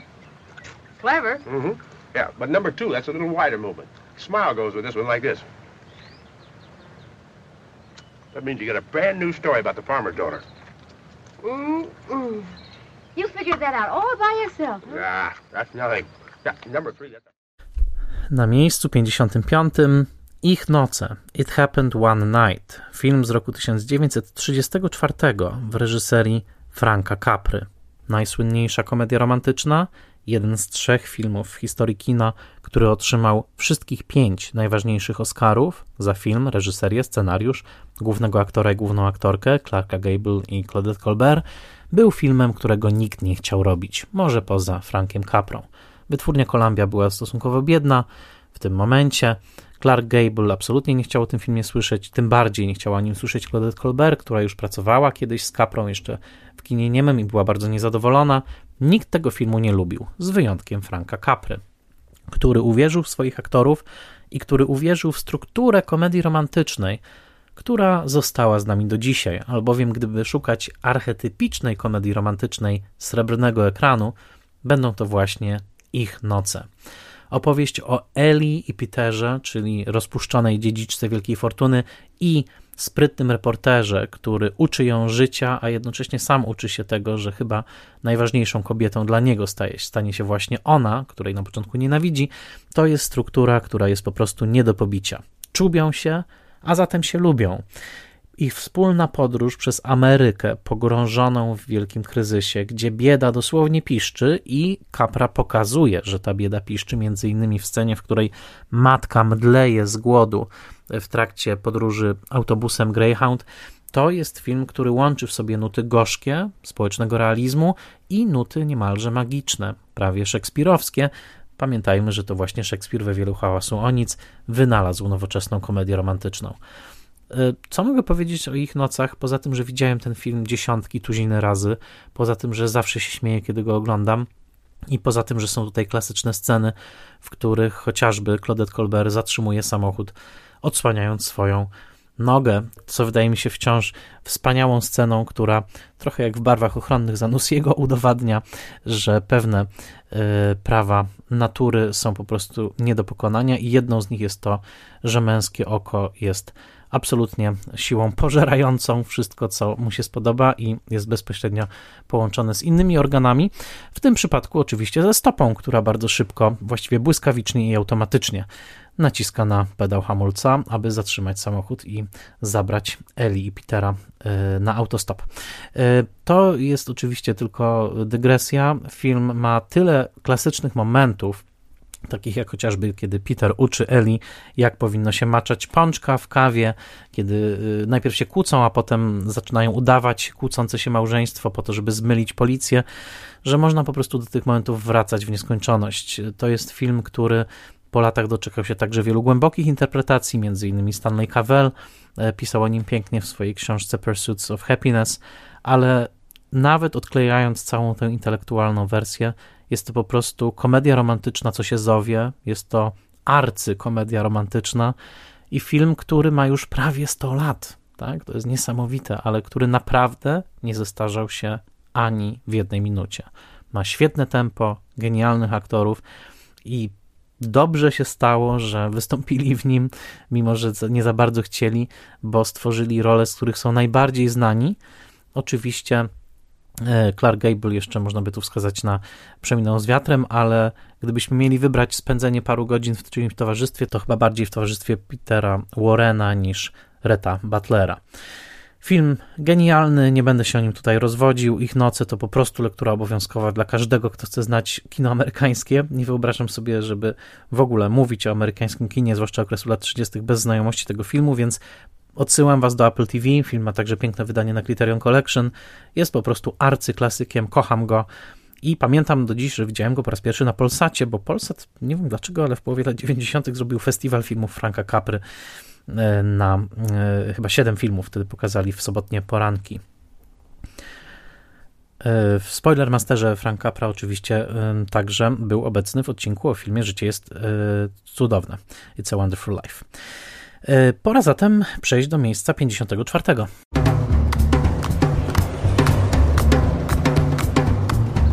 believe it. I'm just so excited to be here. I'm in this dream place. This one comes highly recommended. Dream place. What are you doing? Get out of the car. Yes, the girl is still missing. What's wrong? I just don't know who I am wonder where you were going. Mulholland Drive. Come on, it'll be just like in the movies. We'll pretend to be someone else. Miejsce 54 to Mulholland Drive. Rok 2001. David Lynch w szczytowej formie, bardzo niezrozumiany przez swoich producentów, którzy najpierw chcieli, aby nakręcił serial, kiedy zobaczyli materiał do, do pilota, przerazili się i powiedzieli, że jednak nie, ale Lynch, dzięki zaufaniu przede wszystkim producentów francuskich i studia Canal, nakręcił całość, nakręcił całość, która nie przypomina żadnego innego filmu. Także żadnego innego filmu Davida Lyncha, albowiem jakkolwiek Lynch w swoich poprzednich wybitnych filmach, czyli Blue Velvet czy Głowa do wycierania, zanurzał się w świat surrealizmu, snu i popędów ukrytych gdzieś tam pod e, lśniącą powierzchnią, chociażby dobrze wystrzyżonego trawnika. O tyle Mulholland Drive jest czymś innym. Jest filmowym snem. Jest filmem pozbawionym, wydaje się, logiki przyczynowo-skutkowej, chociaż od, przez ostatnich 20 lat powstało wiele interpretacji, niektórych nawet szczycących się rozszyfrowaniem każdej minuty tego filmu i ukazaniem całej skomplikowanej struktury zawieszonej pomiędzy jawą i snem niejakiej Diane Selwyn. Kto chce rozszyfrowywać ten labirynt, niech oczywiście go rozszyfrowuje. Ja przede wszystkim zanurzam się w niesamowitej oniryczności tego filmu. Kiedy mówimy oniryczny, mówimy oczywiście o tym, że coś przypomina sen. I wtedy mówimy zazwyczaj o oniryczności Feliniego, w której pojawiają się fantastyczne postaci, e, dziwne spotkania i wszystkiemu towarzyszy niemalże cyrkowy, teatralny posmak. Ale Lynch tworzy oniryczność w sensie ścisłym. Tworzy film, który naprawdę przypomina sen w swojej nieprzewidywalności, skokach nastrojów i przede wszystkim w takim uwikłaniu w coś, z czego nie można się przebudzić. To jest właśnie Mulholland Drive, nazywany zresztą genialnie moim zdaniem przez Davida Thompsona Mulholland Dream, albowiem tytuł Mulholland Drive nigdy nie pojawia się na ekranie. Pojawia się tylko szyld z nazwą ulicy Mulholland DR, e, to jest e, taka długa szosa okalająca północny Los Angeles, ale nigdzie nie jest napisane na ekranie Mulholland Drive. David Thompson mówi, że to dlatego, że właściwy tego tytuł, tytuł tego filmu to Mulholland Dream i to jest film, który rzeczywiście zabiera nas w senną podróż. Czy jest to sen jednej osoby? Być może. Być może jest to sen Diane Selwyn, która śni o swojej kochance i która nie może jej wybaczyć tego, że związała się e, z mężczyzną. Być może jest to film o zemście, być może jest to sen o zemście, być może jest to film o sławie kogoś, kto dopiero dobija się do tej sławy. To wszystko być może, ale faktem jest, że są tutaj sceny absolutnie niezapomniane. Jedną ze scen, których często bardzo używam w trakcie zajęć moich dla studentów, jest scena, w której genialna Naomi Watts czyta ten sam tekst jakiegoś podłego thrillera, te same dialogi razem ze swoją y, przyjaciółką i czyta go w sposób banalny, prosty, zwyczajny, jak film klasy B, a później idzie na przesłuchanie aktorskie i zaczyna mówić ten sam tekst w sposób mroczny, seksualny, niepokojący i na naszych oczach te same słowa, dokładnie te same słowa, nabierają zupełnie innych znaczeń. Wokół Naomi Watts zapada cisza, Lynch przybliża swoją kamerę tak, że już nie widzimy wszystkich pozostałych osób w pokoju, tylko jesteśmy na ekstremalnym zbliżeniu jej i jej ekranowego partnera, zapominamy o wszystkim innym i wydaje nam się, że świadkujemy jakiemuś bardzo mrocznemu, erotycznemu spotkaniu. Lynch jest oczywiście mistrzem erotycznych, mrocznych spotkań, odsyłam do Blue Velvet, ale tutaj rzeczywiście nawiązuje, na, następuje takie całkowite zawieszenie naszej niewiary, no bo przecież jesteśmy w jakimś zwyczajnym pokoju castingowym, a jednak to wszystko nie ma znaczenia, ponieważ słowa przepływające przez Naomi Watts nadają jej zupełnie nowego charakteru, na naszych oczach staje się inną postacią i wystarczy sekunda tej transformacji i już jesteśmy całkowicie z nią, całkowicie z Lynchem. To jest filmowa magia, która nawet teraz wywołuje gęsią skórkę, kiedy o tym myślę, bo to jest po prostu niezwykłe mistrzostwo reżyserskie. David Lynch był za ten film nominowany za reżyserię do Oscara. Często wymienia się Mulholland Drive jako najlepszy film XXI wieku. Nie dziwię się, że tak się robi. Mam innych kandydatów jeszcze e, możliwych, ale tak, Mulholland Drive to jest arcydzieło. Niedocenione do końca w momencie premiery, ale z każdym rokiem rosnący, jeśli chodzi o reputację. I jeżeli nie boicie się zajrzeć do tego sennego świata, to powiem tylko tyle, że kolejne seanse zawsze upewniały mnie w tym, że jest to film jeszcze lepszy niż ostatnim razem zapamiętałem. A zatem David Lynch i jego oniryczna wizja Hollywood w Mulholland Drive, a może Mulholland Dream, na miejscu 54. Pora zatem na miejsce 53. I was born in Japan. You were not.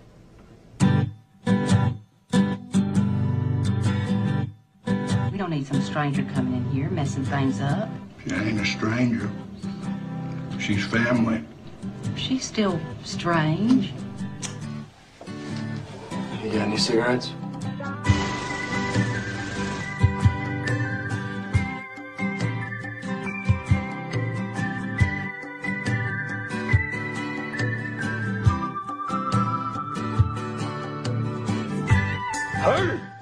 Na miejscu 53 Świetlik Junebug w reżyserii Phila Morrisona. Wydawałoby się niepozorna komedia rodzinna, taki typowy sandansowy film z 2005 roku.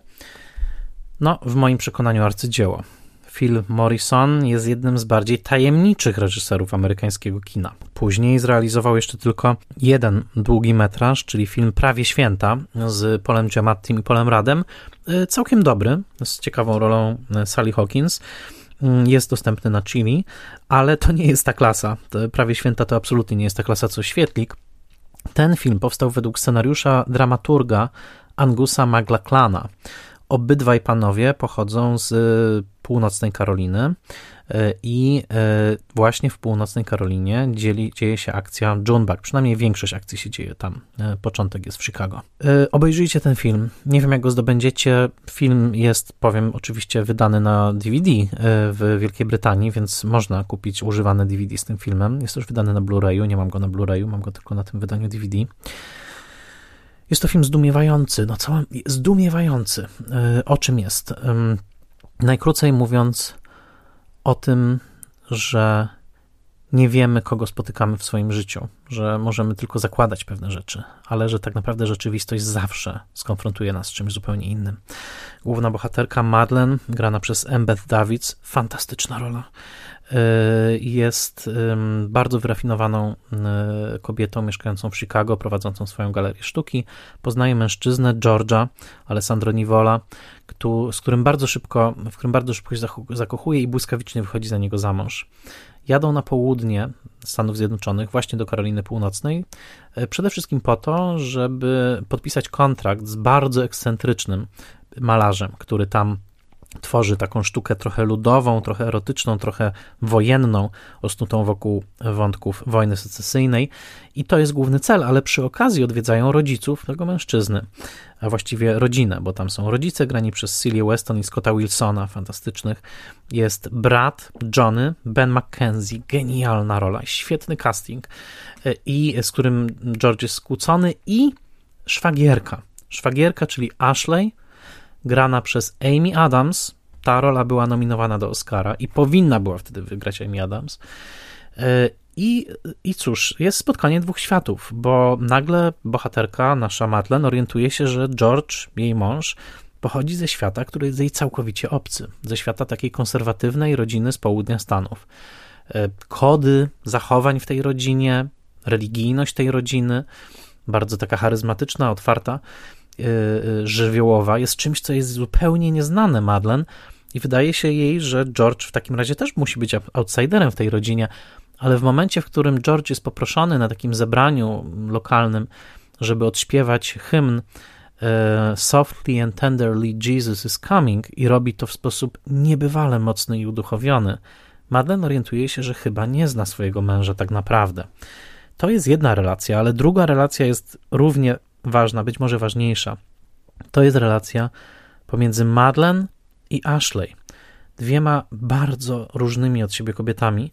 Ashley jest lokalną dziewczyną, która nigdy nie wyjechała poza stan, nie ma żadnego wykształcenia w zasadzie i przede wszystkim jest całkowicie zdana na łaskę i nie łaskę rodziny swojego męża, ponieważ własnej rodziny już nie ma i jest głęboko, dojmująco samotna. Odnajduje w Madeleine kogoś, na, na, na kogo może przelać całe swoje oczekiwanie przyjaźni. Troszkę jak Natasza na Jean w filmie Opowieść wiosenna, ale zderzenie tych dwóch różnych kobiet, tych dwóch różnych akcentów, z jakimi one mówią, oczywiście wyrafinowany akcent, akcent wschodniego wybrzeża i południowy akcent Ashley, to jest taki aktorski masterclass i także masterclass, jeśli chodzi o zdjęcia Petera Donahue, montaż Joe Klotza, że od lat już używam przykładu scen z tego filmu jako najlepszego przykładu do w ogóle nauki w trakcie pracy ze studentami, jeśli chodzi właśnie o dramaturgię sceny. Scenariusz jest wybitny.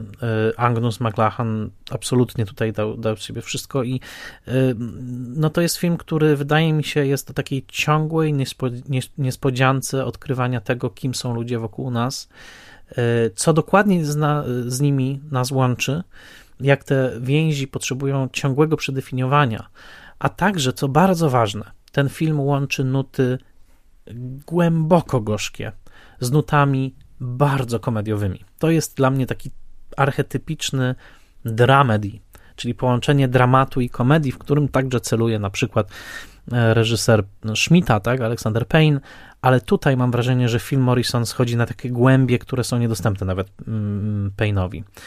Morrison jest tajemniczą postacią. Zrobił tylko te dwa filmy, nie za bardzo coś o nim wiadomo. Na IMDb nie ma prawie żadnych informacji, on się nigdzie nie udziela. Jest jeden wywiad z nim dostępny dosłownie na, na YouTubie. On żyje w jakimś głębokim zaszyciu, nie, nie, nie szuka tej sławy i y, nie musi już nic robić, jak dla mnie. Zrealizował arcydzieło. I tym arcydziełem jest właśnie film Junebug, który nawet w wyborze muzyki, bo tu Yola Tango i klasycy, ale także wspaniale użyta piosenka Serity, napisana przez Stevie'ego Wondera, czyli Harmor Love, to jest genialna intuicja, żeby użyć właśnie tej piosenki na otwarcie i zamknięcie filmu, bo najpierw wprowadza nas w taki słoneczny nastrój, a kiedy drugi raz pod koniec wybrzmiewa, nie jesteśmy już tak w słonecznym nastroju, bo po drodze wydarzyły się rzeczy niesłychanie dramatyczne i przede wszystkim zakwestionowane zostały no, tożsamości bohaterów. Ale wtedy ta piosenka jest jak taki promyk słońca przebijający z za bardzo ciemnych z za bardzo ciemnych chmur. Scena, w której Embeth Davids uczy Bena Mackenzie'ego czytać Huckleberry'ego Fina Marka Twaina, wyjaśnia mu, o czym jest ta książka, w trakcie takiej nocnej rozmowy przy kuchennym stole, to jest jedna z najlepszych aktorskich scen, jakie w ogóle widziałem.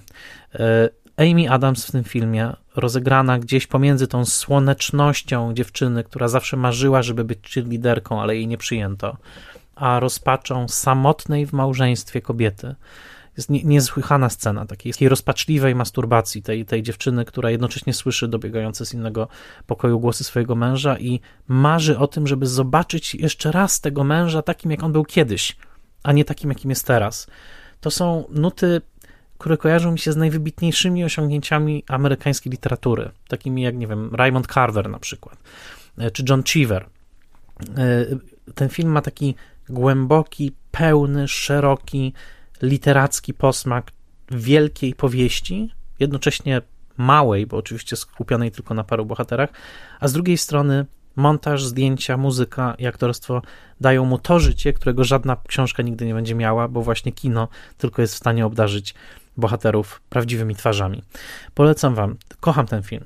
John Buck, Świetlik, 2005 rok, Phil Morrison, kupujcie te używane DVD. Nie wiem, kiedy ten film trafi na jakieś VOD. Błagam, żeby trafił. Błagam, żeby miał polskie napisy. Chciałbym pokazać go większej ilości ludzi. Nie ma go w tym momencie nigdzie. To jest y, po prostu majstersztyk. Także polecam Wam serdecznie. To jest moje miejsce 53. Pora zatem na miejsce 52.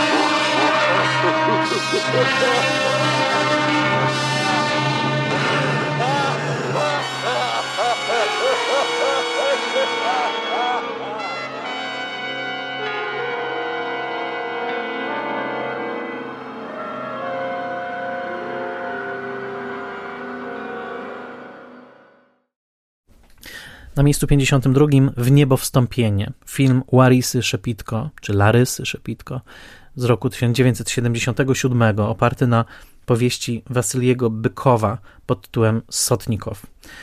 To jeden z najbardziej wstrząsających filmów wojennych, poświęcony II wojnie światowej i dwójce rosyjskich partyzantów, bardzo różnych od siebie, którzy najpierw pokazani są jako tak samo krusi wobec żywiołu wojny pośród ścinających krew śniegów i głodu gdzieś na Białorusi, a potem ujawniona jest pomiędzy nimi podstawowa, fundamentalna, głęboka różnica, albowiem Sotnikow jest otwarty na możliwość transcendencji życia po życiu, tytuł w niebo wstąpienie, a rybak żyje tylko i wyłącznie w doczesnym tu i teraz.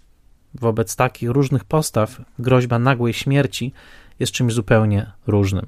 Dla Sotnikowa jest tylko dowodem na nieludzkość oprawców. Dla Bykowa, dla rybaka jest potencjalnym zabraniem wszystkiego. Pojawia się pytanie, który z nich zdradzi, który z nich ukorzy się przed okupantem, który z nich zaprzeczy swoim wartościom po to, żeby przetrwać. To jest film genialnej reżyserki. Niestety znam tylko ten jeden. Są, nie, przepraszam, jeszcze widziałem film Skrzydła, ale bardzo chciałbym zobaczyć film pod tytułem Ty i ja.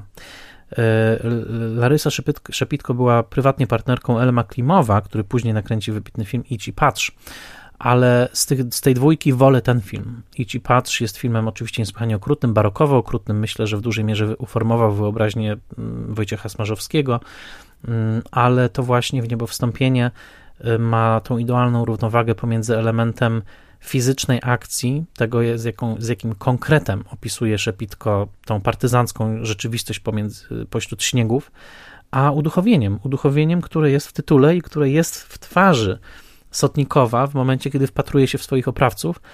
I muzyka Alfreda e, Schnittkiego, awangardowa w tym filmie, w momencie egzekucji, i tu już nie mówię dokładnie kogo, kiedy, w którym momencie, zobaczycie to sobie na końcu filmu, tych ostatnich 10 minut to jest majestat sztuki filmowej, która oddaje hołd e, duchowi, duszy ludzkiej, tak powiem. To jest absolutnie, to jest film, w którym, który można pokazać, jeżeli chcemy zadać to pytanie i urządzić wielogodzinną dyskusję, czy dusza istnieje, to uważam, że ten film należy pokazać jako jeden z dowodów w sprawie. Tak? Znaczy, to jest właśnie, Szepitko o tym mówiła, ona była niesłychanie uduchowiona. Ona mówiła, że to jest film o potędze ludzkiej duszy wobec bezduszności wojny, wobec bezduszności tego systemu, w którym ludzie są zmienieni w trybiki, a przede wszystkim w opał, e, w coś, co należy zniszczyć, spalić, zniszczyć, zabić e, i, i upokorzyć przed pozbawieniem życia.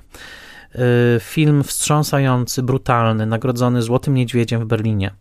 E, film, który nie doczekał się nominacji Oscarowej, ale na szczęście obecnie także dzięki wydaniu kryterionowemu Larisa Szepitko i dzięki też modzie na kobiece reżyserki, e, to wszystko sprawia, że ten film obecnie stał się na nowo takim fetyszem i bardzo dobrze.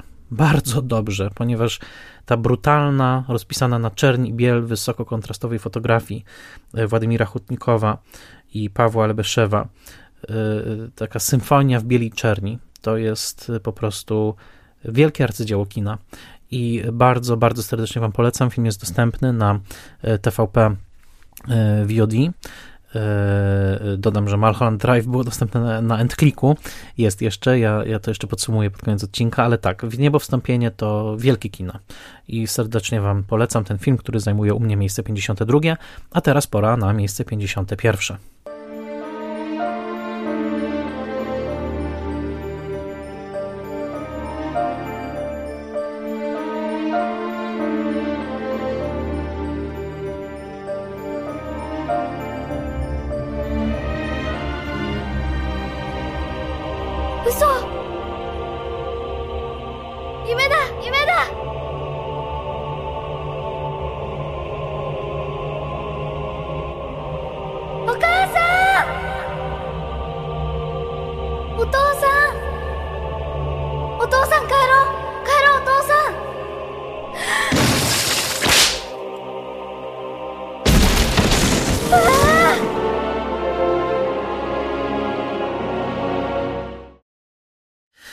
Na miejscu 51 film, który także otrzymał Złotego Niedźwiedzia w Berlinie, tyle że podzielił go z Krwawą Niedzielą Paula Greengrassa. Film dostał także Oscara za najlepszy film animowany.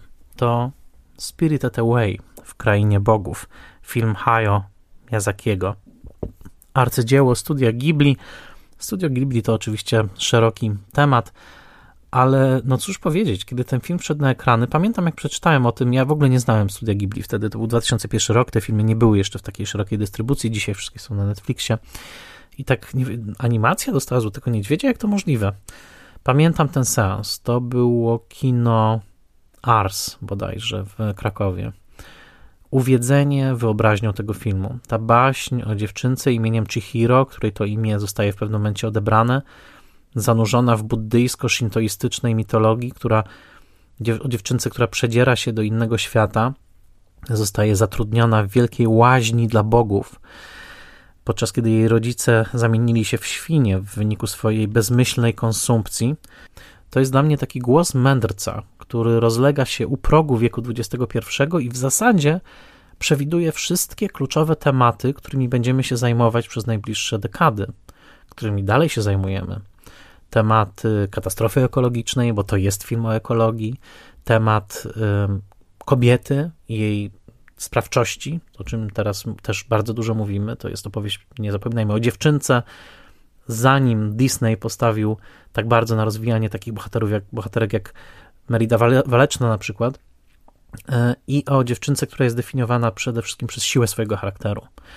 E, przez to, że co prawda jej rodzice, tak jak e, zdaniem Miyazakiego, japońskie społeczeństwo w latach 80. zagubili się w tej konsumpcji, zażarli się i sprawili, zmienili sami siebie w świnie, tak ona jest na tej misji, e, poszukuje prawdy, autentyczności i godności, a cały film jest także o pracy, o tym, że nie ma większej godności niż, niż praca po prostu. Praca ludzka, która tutaj jest także takim mechanizmem zmiany. I oczywiście jest tutaj niebywale rozbudowana ta warstwa wizualna. No Miyazaki ma taką wyobraźnię, że, że co chwilkę opada nam szczęka, tak? Kiedy patrzymy na tych niezwykłych bo bogów, właściwie taką paradę bogów w zaświatach. To jest chwilami komedia, chwilami horror, film jednocześnie okrutny i słodki, film, w którym jedno z bóstw w pewnym momencie musi wyżygać wszystkie zanieczyszczenia tego świata po to, żeby odzyskać tożsamość. I cały film jest trochę o takim właśnie oczyszczeniu się z tego, co nas zatruło, albo czym sami się na własne życzenie zatruwaliśmy. Spirited Away to film, który zasłużył na miano chyba najlepszej animacji y, w historii. Tak mi się wydaje, że jest to naprawdę, naprawdę arcydzielna animacja. Y, Oscar zasłużony. Wszystkie splendory to jest do dzisiaj najlepiej zarabiający japoński film w ogóle. I też jedyny zagraniczny film, który otrzymał Oscara za najlepszy film animowany. Co ciekawe, ta kategoria jednak jest zdominowana przez Disneya, Pixara, DreamWorks, a tutaj ta wizja, która zresztą była częściowo też przez Disneya sfinansowana w zamian za prawa do dystrybucji na e, terytorium północnoamerykańskim, to jest e, kino wielkiego mędrca, oryginała, bajarza, jakim jest Miyazaki i oczywiście w, ten, w to uniwersum Ghibli można wejść i tam zaginąć, bo te filmy tworzą niesamowity korpus wybitnych dzieł. Ja uwielbiam jeszcze Księżniczkę Mononoke, oczywiście mojego sąsiada Totoro, Ponio, bardzo lubię też Kiki i no, można tak długo, ale więc tak, to jest taki alternatywny Disney, mądrzejszy od Disneya. I, ale ten film właśnie, Spirited Away, to jest film, który mi się wydaje powinien zobaczyć każdy. Niedawno miałem go okazję oglądać z moją niespełna pięcioletnią bratanicą, przepraszam, co mówię, chrześnicą, kochaną Marysią. I to jest niesamowite, jak ona weszła w świat wyobraźni tego filmu całkowicie. I mam wrażenie, że dobrze, że go ogląda i dobrze, że patrzy na małą Chihiro, bo to jest dobry wzór do naśladowania. Ta dziewczynka, która chce uratować swoich rodziców i też uczy się czegoś o sobie i jest po prostu bardzo mądra od samego początku. Bo Chihiro to nie jest tak, że ona na początku jest, nie wiem, samolubna, czy głupia, czy e, zapatrzona w siebie. Nie, ona się, na co sam Miyazaki zwraca uwagę, ona się nie zmienia tak bardzo, to ona bardziej odkrywa coś, co było już w niej. Źródło siły, które jest związane gdzieś z sumienną pracą i z jakimś odnalezieniem swojego miejsca w całej hierarchii bytu. I to jest właśnie lekcja, którą niesie ze sobą cudowne, wspaniałe, zachwycające jak najpiękniejszy sen, ale taki troszkę inny niż Mulholland Drive, e, wizja e, właśnie e, Miyazakiego. A zatem Spirited Away to miejsce 51, a na miejscu 50 tego się już dowiecie w następnym odcinku. Dziękuję, że towarzyszyliście mi w tej drodze. Podsumuję teraz i przypomnę, gdzie dostępne są filmy. Zatem na miejscu 60 Barwy ochronne Krzysztof Zanussi, film dostępny na WFDIF online. Miejsce 59 opowieść wiosenna Erika Romera, dostępna na TVP VOD. Miejsce 58 6 stopni oddalenia Freda Skepsiego, dostępne na Apple TV. Miejsce 57 Zmarli Johna Hustona, dostępne na YouTubie. Miejsce 56 Cienie zapomnianych przodków y, Paradżanowa, obecnie dostępne y, legalnie. 55 miejsce Ich noce Dodam, że Cienie Zapomnianych Przodków były wydane na DVD w Polsce. Ich Noce to miejsce 55, film dostępny na Apple TV. Y, Frank Capra, miejsce 54, Malholland Drive Davida Lyncha, obecne w pięknej, odnowionej kopii na Endclicku. Miejsce 53, cudowny, cudowny świetlik, Junebug, wydajcie to, niech, niech to się gdzieś pojawi na polskim VOD. Junebug, Phila Morrisona.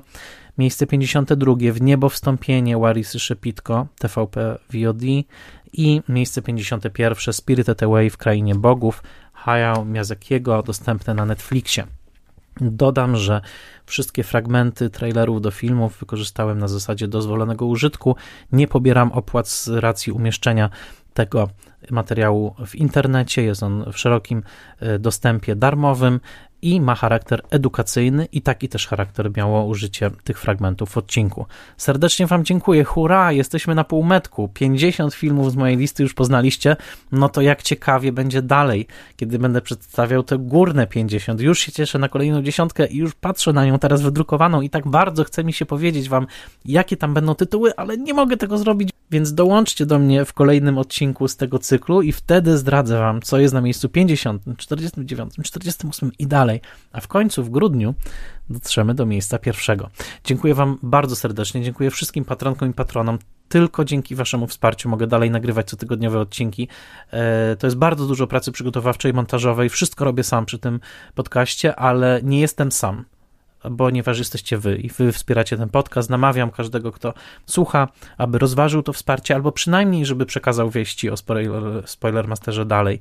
Dziękuję wam serdecznie i cóż, do usłyszenia już za tydzień.